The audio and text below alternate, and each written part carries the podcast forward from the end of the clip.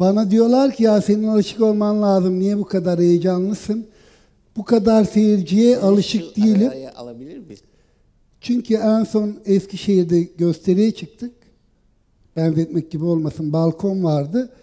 Balkon boş kaldı diye çamaşır astık. Burada balkon da dolmuş. Çok teşekkür ediyorum. Zahmet edip geldiniz.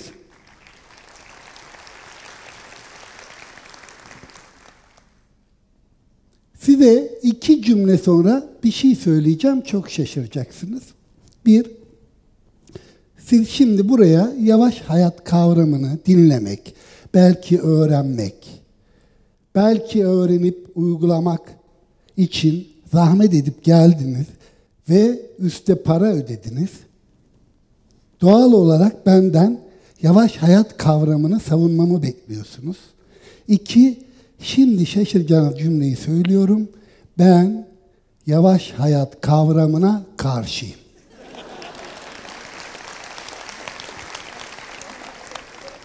Güldünüz, gülün. Ben yine de karşıyım. Gerçekten karşıyım. Çünkü hayatın yavaşı, hızlısı yoktur. Döngüsü vardır. Güneşin bir döngüsü vardır, dünyanın bir döngüsü vardır. Mevsimlerin, iklimlerin, göç eden kuşların, açan çiçeklerin, kızaran domateslerin hepsinin bir döngüsü vardır. Siz ne yaparsanız yapın dünya hep aynı hızda döner. Mesela 2016 hepimiz için çok kötü geçti. Dünya halimize acıyıp lan biraz hızlı döneyim de sevinsin garibanlar demedi diyemez. Ya da 2017'ye iyi başladık. Ulan ileride ne olur ne olmaz biraz ağırdan alayım demez. Bir domates asla acele etmez. Siz bir domatesin acele ettiğini hiç duydunuz mu?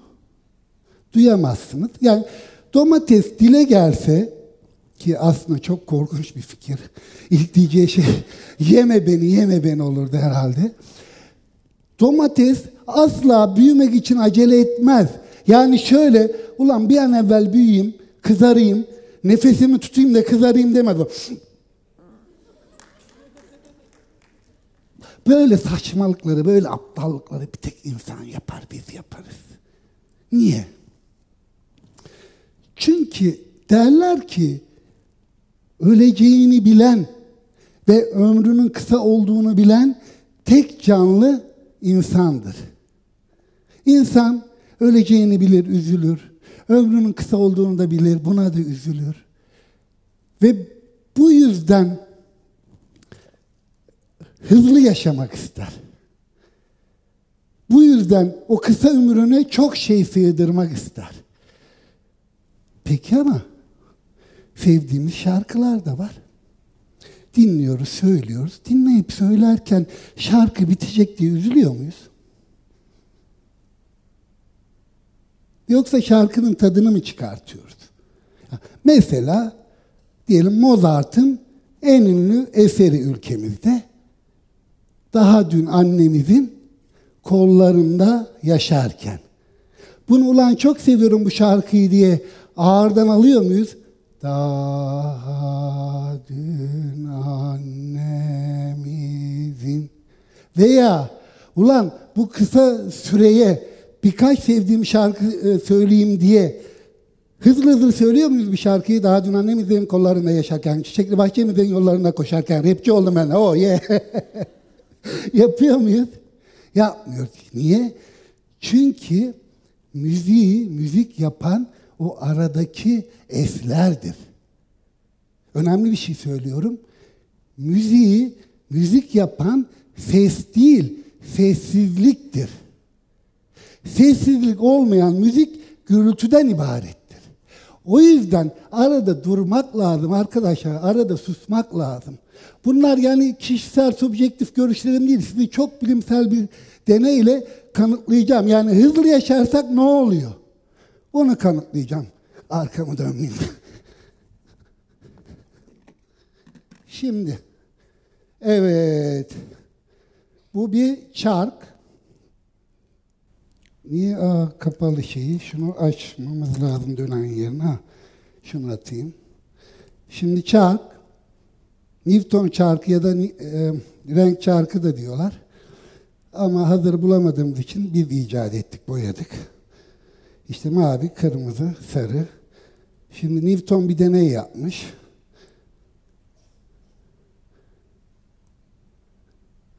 Şimdi renkler var. Döndürüyorsun. Beyaza dönüyor. Newton'a sorarsan bu deney beyazın bütün renklerden oluştuğunu kanıtlıyor. Bana sorarsanız ki bana soracaksınız Newton öldü. Yeni duyanlar için üzgünüm başınız sağ olsun. Bana sorarsanız bu deney hızlı yaşarsak yani daha çok şey yaşamak için hızlı yaşıyoruz ya. Hızlı yaşarsak daha çok şey yaşamayız. Hayatın renklerini kaçırırız. Hayatın renklerini ıskalarız. Bakın bir daha şimdi. Renkler yok.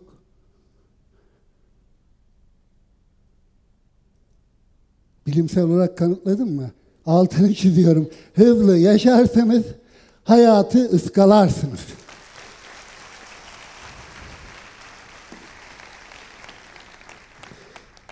Peki dedim, ölümlü olduğunu bilen insan kısa ömrüne daha çok şey sığdırmak için hızlı yaşıyor. Bir de ne yapıyor? Çok şey yaşamak istiyor.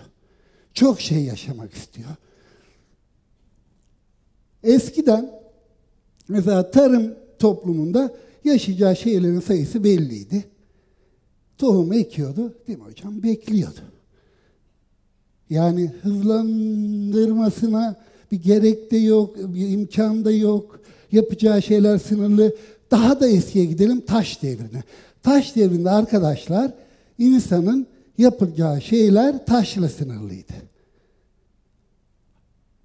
Hatta yani taşla bugün yapılabilecek pek çok şeyi de yapamıyordu.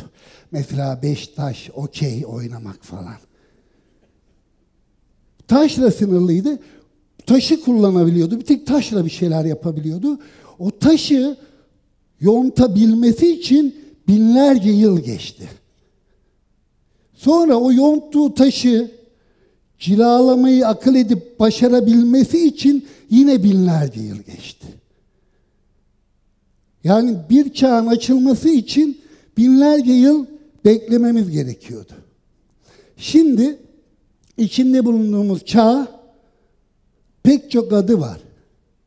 Ya hız çağı, internet çağı, atom çağı, uzay çağı, çağ çağ çağ çağ çağ çağ çağ. Öyle bir hale geldik ki çağların biri kapanmadan öbürü açılıyor. Bu açıldı, bu, bu, bu hala açık. Öbürü açıldı. Bütün çağlar açık kaldı. Açık kalınca kurender yapıyor, ceryan yapıyor. Arada kalıyor. Hasta oluyoruz. Üşütüyoruz. Şimdi insan daha çok şey yaşayabilmek için daha çok şey icat ediyor. Ama ihtiyaç fazlası şeyler icat ediyor. Ya şey gibi o dükkanlar gibi ihtiyaç fazlası ömürler, icatlar. İhtiyaç fazlası ne demek istiyorum? Mesela şimdi hepimizin bir e, başka hayatları daha var. Paralel evrenler icat ettik. Kuantum fiziğini falan kastetmiyorum. Yani şimdi hepimiz burada bir hayatın akışını birlikte paylaşıyoruz. Aynı anda hepimizin bir Twitter hayatı var, bir Facebook hayatı var, bir Instagram hayatı var. Ne bileyim.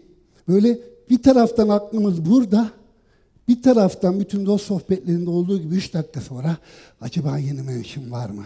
Facebook'ta ne kaçırıyorum? Instagram'da kaç like aldım? Aa şu an canlı yayında evlilik programlarında kim kime evlilik teklif etti. Orada bir dünya akıyor. Orada bir hayat.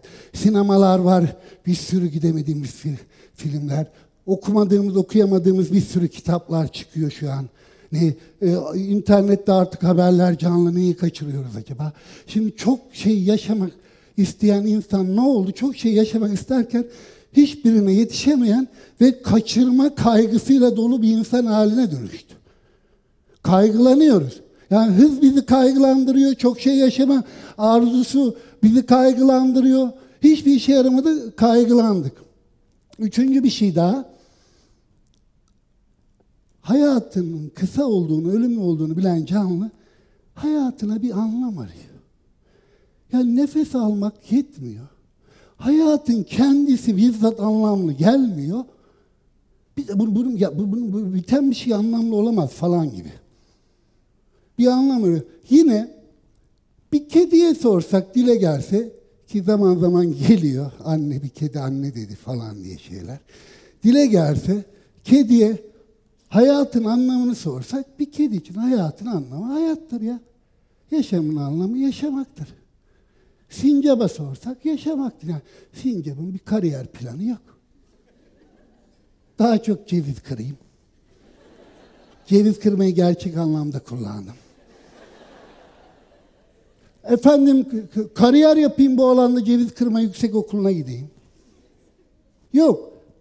Bir tek insan bir anlam yükleme, yeni bir anlam yükleme çabasına giriyor. Oysa diyorum ya yani hayatın kendisi bir mucize ama fark edemiyoruz. Bir anlam aramaya kalkışıyor.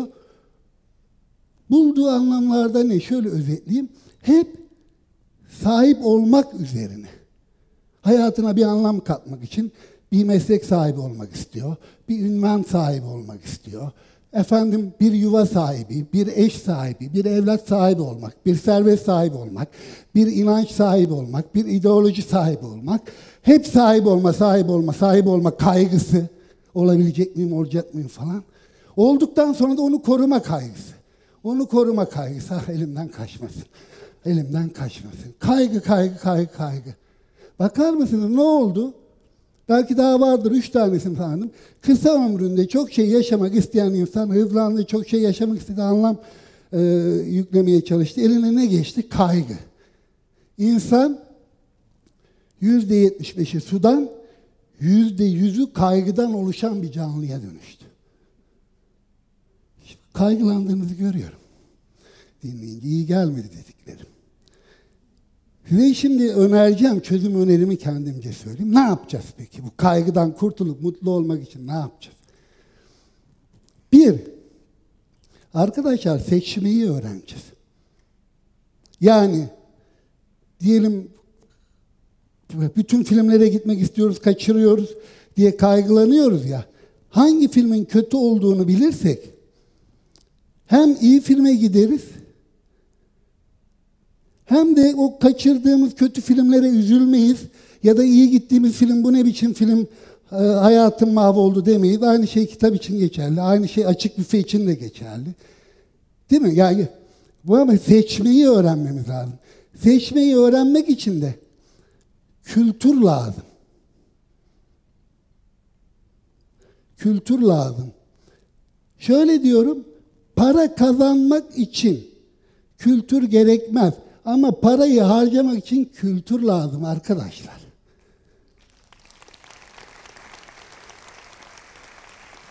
İnanın böyle kültür deyince herkes korkuyor. Demin de mesela yemek kültürünü kastediyorum. Sen açık büfeye gittiğinde hangisini yesem diye kaygılanacağına. Değil mi? Ya bunu aldık kütümettik onu da kaçırdım eyvah. Yiyeceğim üç tabak. 97 tabakla yiyemiyorum diye kahrediyorsun. Onun da tadını çıkartamıyorsun. Yahu ama bir damak kültürün, yemek kültürün olursa biliyorum bu benim damak zevkime uygun değil. Bunları istemiyorum. Yiyeceğim de üç tas e, yemek. Bunları yiyorum dersin. Hem onları yediğin, iyi yemek yediğin için e, üzülmezsin. Hem onları kaçırdığın için üzülmezsin. Tekrar ettim ama ya seçmeyi öğrenmek lazım. Bunun için de kültür lazım. İki, arkadaşlar. Aslında ihtiyacımız olan her şey kendi içimizde var inanın. İhtiyacımız olan her şey kendi içimizde var. Ne demek istiyorum? Bir atasözü var. Tırnak kaşınan yeri bilir arkadaşlar. Hakikaten şu an bir yeri kaşınan varsa lütfen bir kaşırımı görmek istiyorum ışıkları da açalım. Gerçekten. Evet hocam, hocam, hocam. Benim buram gerçekten kaşındı buram. Arkadaşlar bakın buram kaşındı. Belki göremediğim yerlerini kaşıyan da olmuştur. Parmağımız GPRS olmadan, Google haritayı açmadan, yandexlemeden, bir arkadaşına sormadan kaşınan yeri buldu. Bir örnek daha vereceğim. Bebekler, el kadar bebek daha yürümeyi bilmiyor, emekliyor. Okumayı, konuşmayı nereden bilsin? Derler ki bir mineral eksikse kum yiyor. Eskiden götürüyorlardı. Diyor, çocuğum kum yiyor diye. Doktor test met yapma. Aa, doğru mineral eksikliği var diyordu. Ulan el kadar bebek tıp okumadı. Uzmanlık yapmadı. Doktorun bildiğini nereden biliyor? İçinde var. İçinde var. Bununla ilgili çok örnekler var. Bir deney de var. Ee, uzatmak istemiyorum. Hepimiz canım çekti diyoruz ya eğer dış uyaranlar olmazsa o canımız çektiği şey canımız çekti dediğimiz şey vücudumuzun ihtiyacı. C vitamini eksikse portakal çekiyor. Deneyler var.